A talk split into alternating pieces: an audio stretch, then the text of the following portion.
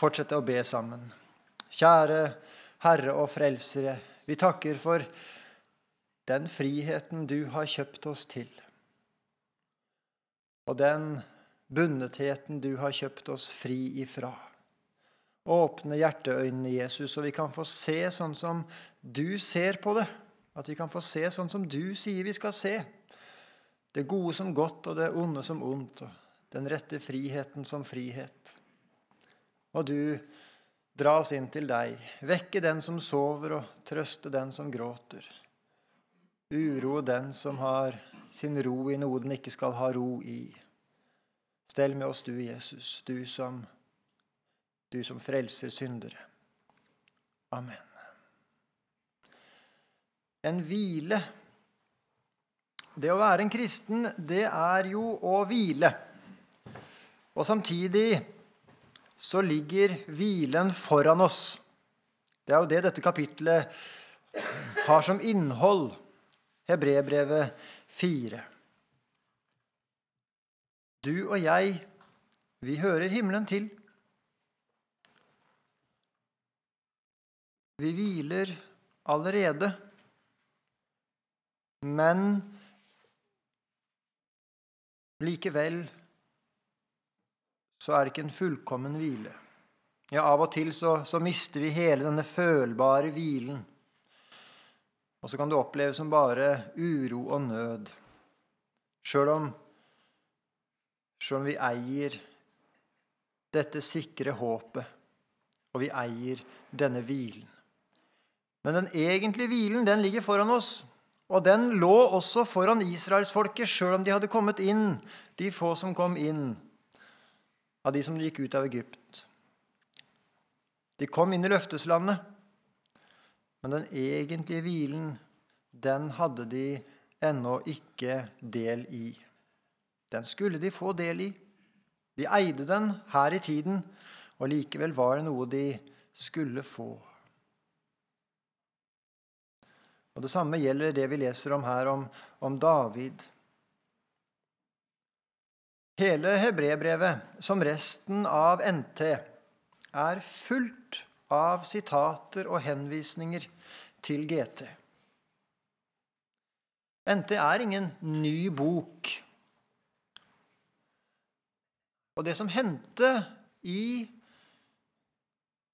i det Jesus gjorde, og det vi leser om i NT, det er oppfyllelsen, ikke opphevelsen av GT.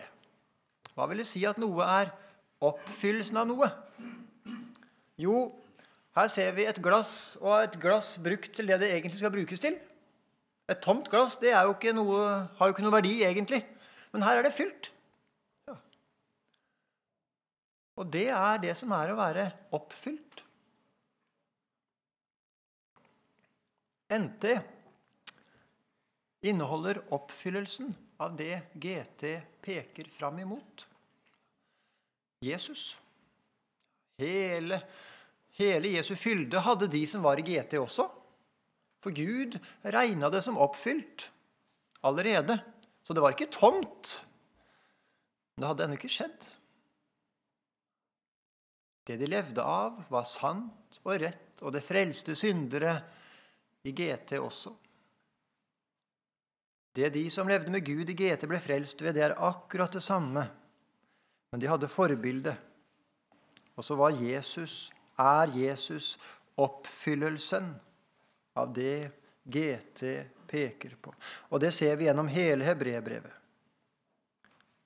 Og jo mer vi kjenner vårt GT, jo rikere blir hebreerbrevet. Jo mer fylde får det.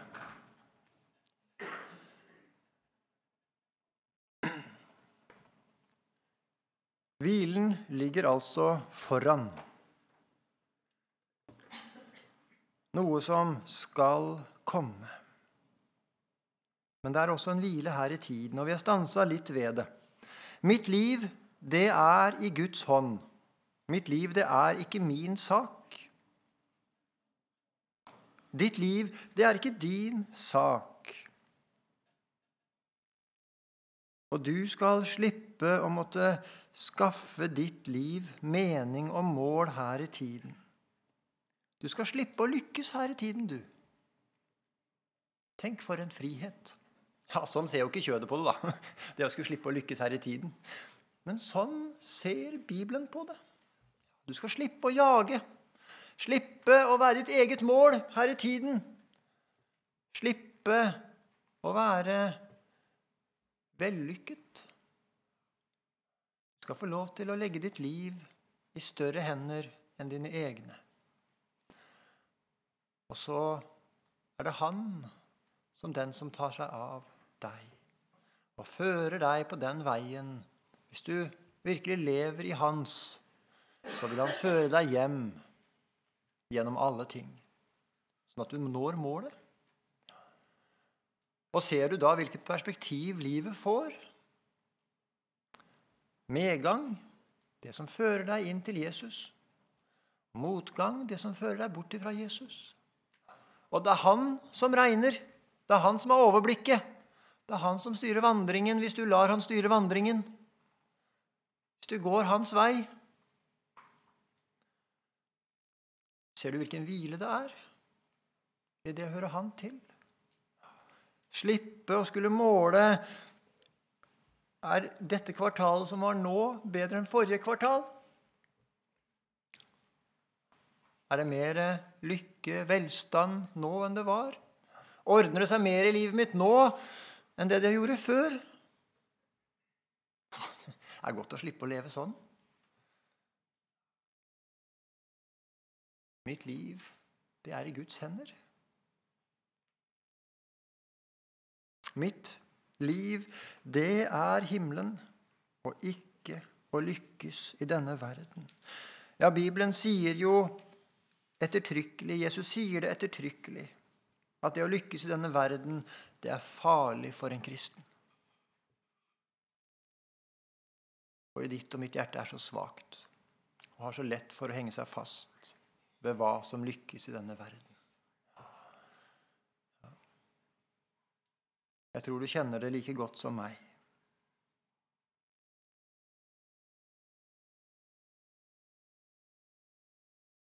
Gud, han må bruke noen underlige redskaper for å bevare deg og meg som kristne, for å holde oss fast hos seg. Så hvilen her i tiden i at mitt liv er i Guds hender, det er ofte en hvile i nøden. Hvile i smerten. Hvilen i at det ikke gikk som jeg hadde tenkt. Fordi den veien fører han meg på for at jeg skal nå hjem. Men altså, hvilen her i tiden, den er mangelfull. Det er den. Men det er en hvile i framtiden. Og hvilen består i det å være nær Jesus.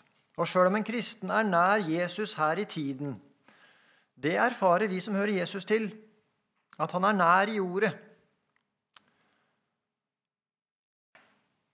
Så er hvilen i himmelen noe helt annet. Her er det som i, en, i et speil i en gåte. Men der er det en fullkommen hvile. Der har jeg vunnet fram. Der er jeg ikke lenger i fare for å velge synden, men å være hans. Hvilen det her er snakk om, det er jo annet den hvilen som Gud gjorde. Og Gud hvilte på den sjuende dagen fra alle sine gjerninger. Ja, Men trengte Gud å hvile, da? Nei, Gud trengte ikke å hvile. Han hvilte ikke fordi han var sliten, sånn som du og jeg hviler når vi er slitne. Han hvilte ikke fordi han var trøtt, og han hvilte heller ikke på en sånn måte at han var uvirksom.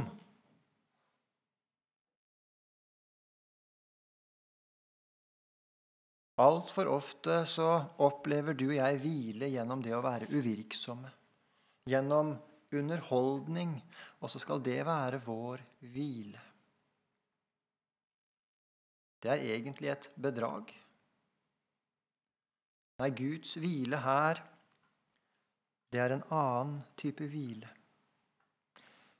Det er hvilen etter å ha fullført et arbeid. Det er den salige gleden over å ha fullført noe. Og det er den hvilen Gud også vil føre oss inn i. Hvilen over å ha fullført løpet, den ligger foran oss. Og har nådd målet.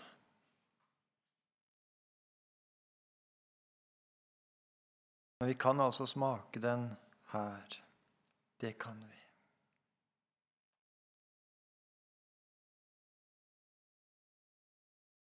Så står det da en sabbatshvile tilbake for Guds folk. Ja, den står tilbake for oss. Og så kommer vi til et mektig avsnitt her som setter eh, ja, Som det ofte vendes tilbake til, vers 12 og 13. For Guds ord er levende og virksomt og skarpere enn noe tveget sverd. Det trenger igjennom helt til det kløyver sjel og ånd, ledd og marg, og dømmer hjertets tanker og råd. Og ingen skapning er skjult for ham. Alt ligger nakent og bart for hans øyne, som vi skal stå til regnskap for.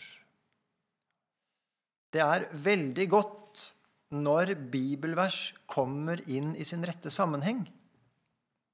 Og det gjør det jo veldig ofte ikke når vi underviser sånn temabasert, at vi tar et tema, og så har man det, og så eh. Men her er det annerledes, for her undervises det vers for vers gjennom hele hebreerbrevet, og så får vi sammenhengen. Ja, ikke den timen her, da, kanskje, men sånn gjennom et skoleår. For i sammenhengen, hvordan det står, hvilken sammenheng det står i. Så plukker man ikke bare et og annet mannakorn som syns å passe, men så kommer hele sammenhengen.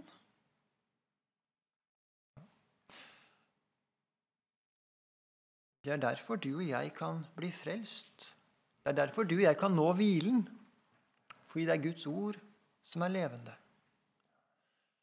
Det er Guds ord som er virksomt. Det er Guds ord som er skarpere enn noe tveget sverd. Og det er i stand til å trenge gjennom, helt til det kløyver sjel og ånd, ledd og marg, og dømmer hjertets tanker og råd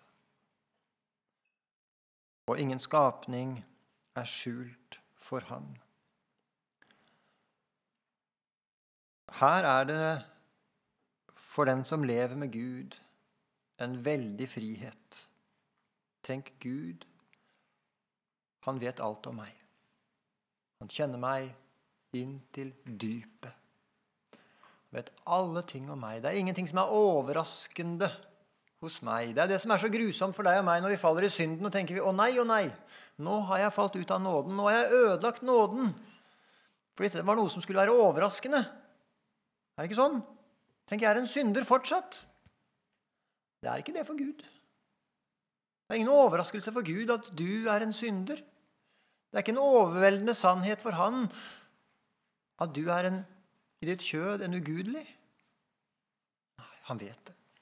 Han har sett det alt sammen inn til dypet. Og for det naturlige mennesket og for kjødet så er dette en forferdelig ting. Her er det en fiende som har et skarpt sverd som skjærer igjennom alle ting. Og det som det naturlige mennesket, altså mennesket uten Gud, ditt kjød, tenkte det skulle skjule, tenkte det skulle slippe unna med, tenkte at dette skal ingen vite noe om. Dette må ingen få kjennskap til, hva som bor i hjertet. Så har Gud skjært igjennom. Det går ikke an å skjule det inni beinet engang. For han har bare skjært igjennom og ser inni ditt dypeste, mest skjulte. Så ser han hvem du er. Og det er grusomt å ha med den levende Gud å gjøre for det naturlige mennesket. Det er ingen nåde. Ingen pjatt. Ingen 'ja, ja, ja, det her går nok bra'. Du er verdifull, vet du. Ikke mye verdifullt å finne der Gud skjærer i det naturlige mennesket. Det er håpløst. Det er vantro. Det er fiendskap. Det er ugudelighet. Det er opprør.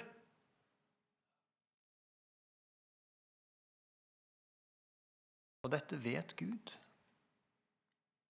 Og ingen skapning er skjult for ham. Alt ligger nakent og bart for hans øyne, som vi skal stå til regnskap for. Her er det himmelens Gud du og jeg har med å gjøre. Han som er skaperen, han som er den allmektige, han som kan gjøre hva han vil, og han som hater ondskap. Og så er det ikke annet enn ondskap å finne. Så er det ikke annet enn opprør å finne. Så er det ikke annet enn egenrettferdighet og misunnelse og hat. Ja, det fins jo ikke beskrivende ord for resten av timen til å beskrive det naturlige mennesket. Og alt sammen bor der inne.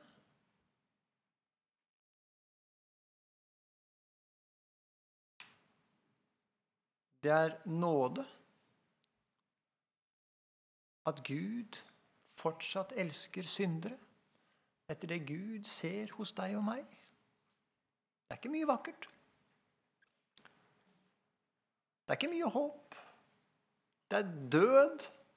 Det stinker av det. Og du som har med Gud å gjøre, du vet det. Det er ikke mye ærlighet å finne hos deg. Det er ikke mye rent oppgjør å finne. Alt er dobbelt, alt er falskt, alt er lunkent. Og det stinker egenrettferdighet av all din kristendom.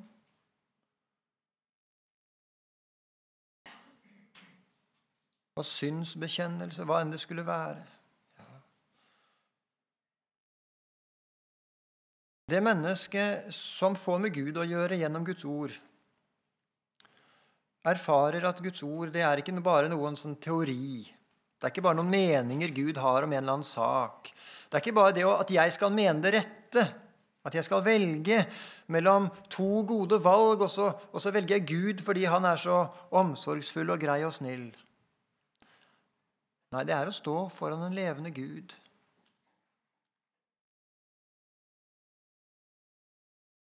Og han er den som trenger gjennom i alle ting. Kløyver, sjel og ånd. Gullgruben sier sjel er det som handler om det menneskelige liv, og ånd det som handler om det åndelige. Jeg vet ikke om man kan si det sånn, men, men det er i hvert fall det som handler om alle ting i livet. Det er ikke noe som du og jeg kan si at det her det handler ikke om Gud. Søndag formiddag det handler om Gud og, og, disse konkrete syndene slik og sånn som jeg har gjort. Det handler om Gud, men, men, men, hvordan jeg har det på innsiden, og hva jeg gleder meg over og, Nei, det handler ikke om Gud. Kan ikke si det. Alt. Alt. Alt er for Gud.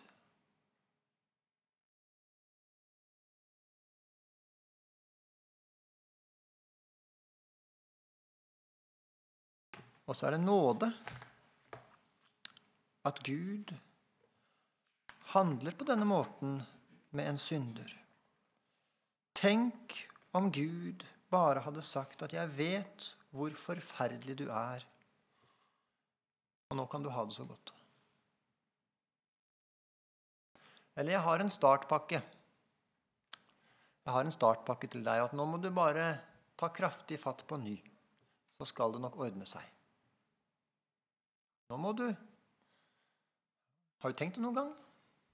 At liv med Gud er at nå skal du ta kraftig fatt på ny, og så, så vil det nok ordne seg etter hvert. Begynne å bekjenne synder og begynne å kjempe og gjøre opp disse tingene du har gjort som du ikke skulle hatt gjort. Og så, og så får du plukka litt stein her og plukka litt stein der. Og så tar du kraftig fatt på ny. Tenk om det var veien til Gud. Tenk om det var der friheten skulle vinnes. Gjennom din kamp, ditt strev, din omvendelse, din tro. Gjennom ditt oppgjør. Før var det sånn, men, men nå har det blitt annerledes. Ja. Tenk om du skulle leve ditt gudsliv i det.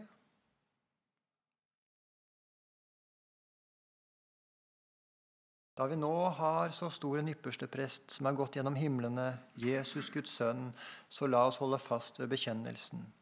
For vi har ikke en yppersteprest som ikke kan ha medlidenhet med oss i vår skrøpelighet, men en som er prøvet i alt i likhet med oss, men uten synd. La oss derfor med frimodighet tre frem for nådens trone, for at vi kan få miskunn og finne nåde til hjelp i rette tid. Og for en nåde at Gud er Gud. Her er vi tilbake igjen i Det gamle testamentet. Her er vi tilbake ved ypperstepresten. Han som gjorde soning Ja, den menneskelige gjorde soning også for sine egne synder. For han var jo også en synder. Han gjorde soning for alle, også seg selv. Men bare som et bilde på det som skulle komme den egentlig ypperste presten. Han som er gått gjennom himlene, Jesus Guds sønn. Den som er en kristen, har en ypperste prest som har gått gjennom himlene, som har gjort soning for synden. Også for de blodrøde syndene. Også for de syndene som sitter så fast. Også for de syndene som du ikke makter å gjøre deg fri ifra. Ja, men, ja, men må, du ikke, må du ikke gjøre deg fri fra synden først, da, før du kan komme? Må du ikke det? Ja, Sånn tenker det naturlige mennesket. At jeg, jeg, jeg må jo ha noe å komme med. Jeg må ha et visst alvor å møte Gud med.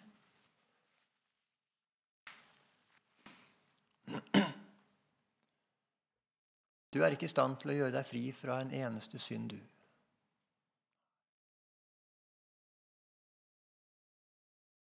Det er du ikke.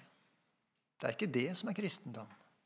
At du skal få lov til å komme når du har tatt det riktig alvorlig. Når du begynner å få det til, Sånn at Gud ser at her er det alvor å finne. Ja, nå, nå kan Hol, han komme, for nå Nei.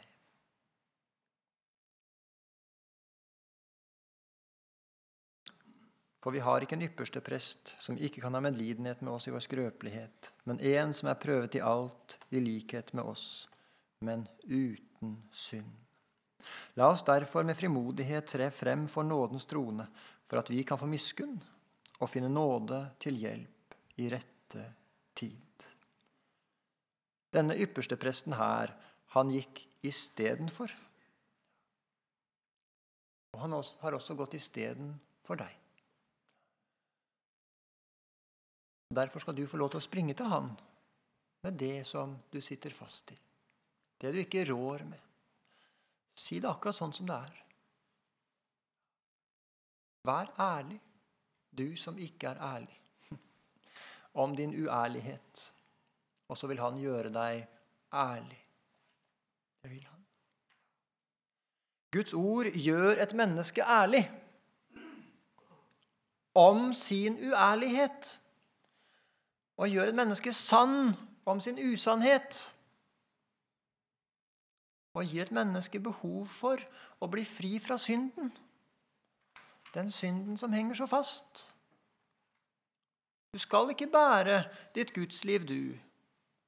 Det er Han som er ditt gudsliv. Og det skal du få lov til å ha din frihet i.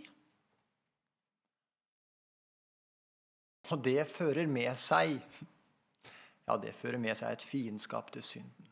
Jammen gjør det. Det er ingen frihet i synden. Er det vel? Har synden noen gang gjort noe annet enn å bedra deg? Enn å fange deg? enn å lokke deg ut på tynn is og la deg gå igjennom? Har den gjort noe annet enn det? Har den gjort noe annet enn å gi deg kortvarig nytelse, og så utenfor? Nei, den har ikke det. Det naturlige mennesket er ikke i stand til å se det, er ikke i stand til å forstå det, er ikke i stand til å være der. Det er det bare det nye livet som ser. Og det er bare gjennom loven og evangeliet at dette kan bli liv og død for et menneske. Men gjennom ordet så faller alt på den rette plassen.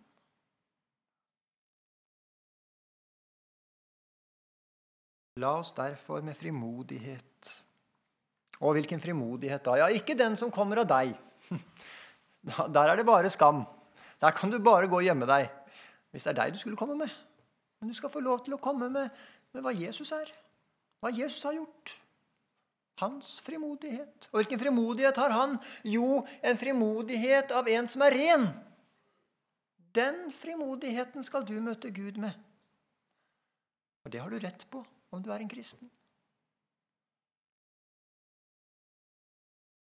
Da kan du tre frem for nådens trone. Der Gud er. Ja, men er ikke du Du kan ikke ha med Gud å gjøre, du som er uren. Ja, nå kommer du ikke i deg. Er du en kristen, så kommer du i Jesus. Kommer du, så en som er ren. En som har fortjent å stå for nådens trone og lovsynge. Ja, fordi det er Jesu fortjeneste du kommer i. Ser du for et skille gjennom det å komme med seg sjøl og noe av sitt eget og lurer på holder dette. Men det å komme med Jesus sitt og si, 'Herr Gud, her kommer jeg med noe som du har godkjent.' 'Du har sagt det er fullbrakt. Dette kommer jeg inn for deg med, Gud.' Med frimodighet. Ingen frimodighet i meg, ingen frimodighet i deg, men i Han er det frimodighet. For at vi kan få miskunn og finne nåde til hjelp i rette tid. Ja, nå kunne vi holdt på fram til middag, kunne vi ikke det? Nåde til hjelp i rette tid. Her er den rette nåde, og her er den rette hjelp. Her er det hjelp for den som sitter fast. Og jeg håper du sitter fast. Forstå meg rett. Jeg håper at det ikke lykkes for deg å være en kristen. Jeg håper at du må inn til Han, Han som løser. For det er først når et menneske ser ved meg Jeg er en ugudelig. Det har vært sannheten i hele livet ditt. Ja da, Men det er først når Guds ord får skinne inn og får kløyve og får dele opp, så du også får se sånn som Gud ser. Det er først da et menneske blir nådehungrig. Det er først da et menneske får nok med sitt eget, og ikke de andres. Det er først da et menneske gir opp sin egen rettferdighet. Det er først da et menneske blir fri fra seg selv. Men her blir et menneske fri fra seg selv.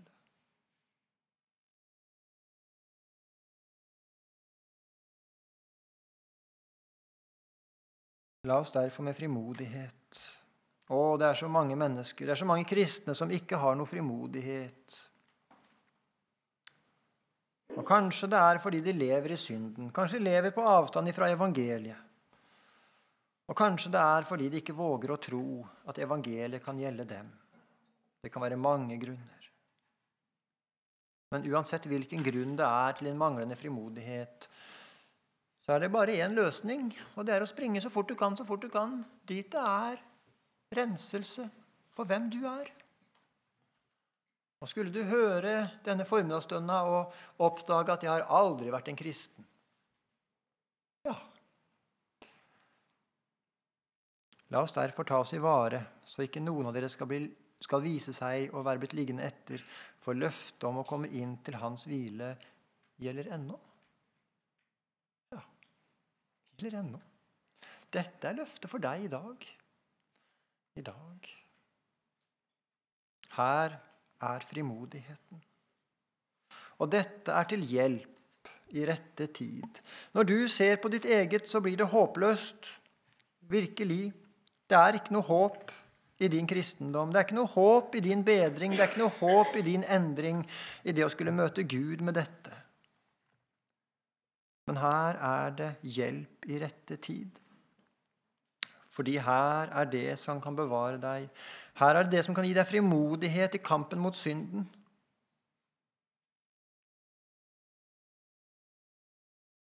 Er det mulig å finne frimodighet i kampen mot synden? Ja, det er det. Og det har en kristen. Evangeliet er det som gir en kristen frimodighet i kampen mot synden. Evangeliet gir ingen rett til å bli værende i synden. Ingen anledning til å bli værende i synden. Evangeliet er jo nettopp å bli fri ifra synden. Bli løst ifra syndens bånd. Ikke sånn at du slutter å være en synder. Nei, det vil du være så lenge du lever.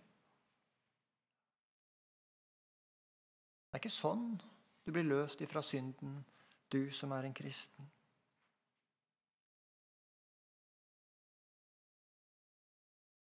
Men gjennom evangeliet og gjennom loven så har du fått se det at du som er en synder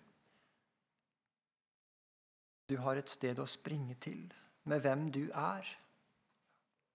Og dette er det mektige hvem du er. Ja. Det er ikke bare et og annet du har gjort, og så kan du plukke det, og så kan du bli ferdig med det. Men det er hvem du er, og hvem ditt kjød aldri slutter å være. Og så blir håpet løsrevet fra deg. Og så slutte å håpe på mitt eget. Og det er en veldig frihet. Og her er frelsesvissheten. Slutter å håpe på mitt eget. Slutter å granske her inne om jeg kan være en kristen, for det vet jeg det kan jeg ikke være. Men så blir håpet i Jesus. Og der kan jeg være en kristen. Der kan jeg hvile. Kjære Jesus, vi takker for ditt ord. Vi takker for det du har vist oss her i Hebrebrevet 4. Og så ber vi Jesus om at du må bevare oss, så ingen av oss blir liggende etter på veien. Så ingen av oss lar oss lure av synden og verden og vårt eget hjerte, men at vi blir hos deg. Du som åpenbarer, du som gjør oss sanne, du som gjør oss rene. Og så ber vi Jesus om at du må bevare oss, sånn at vi som hørte deg til her i verden, også må møtes der hjemme i himmelen. Og så ser du, Jesus, de, de som er våre, som ikke hører deg til. Må du kalle på dem, Jesus. Og du åpne øynene deres, så de kan få se hva det vil si å være fri. Og kan få møte din frihet. Du steller med oss resten av kursuka. Og det kan bli til vekkelse og til trøst, du som kjenner hjertene. Amen.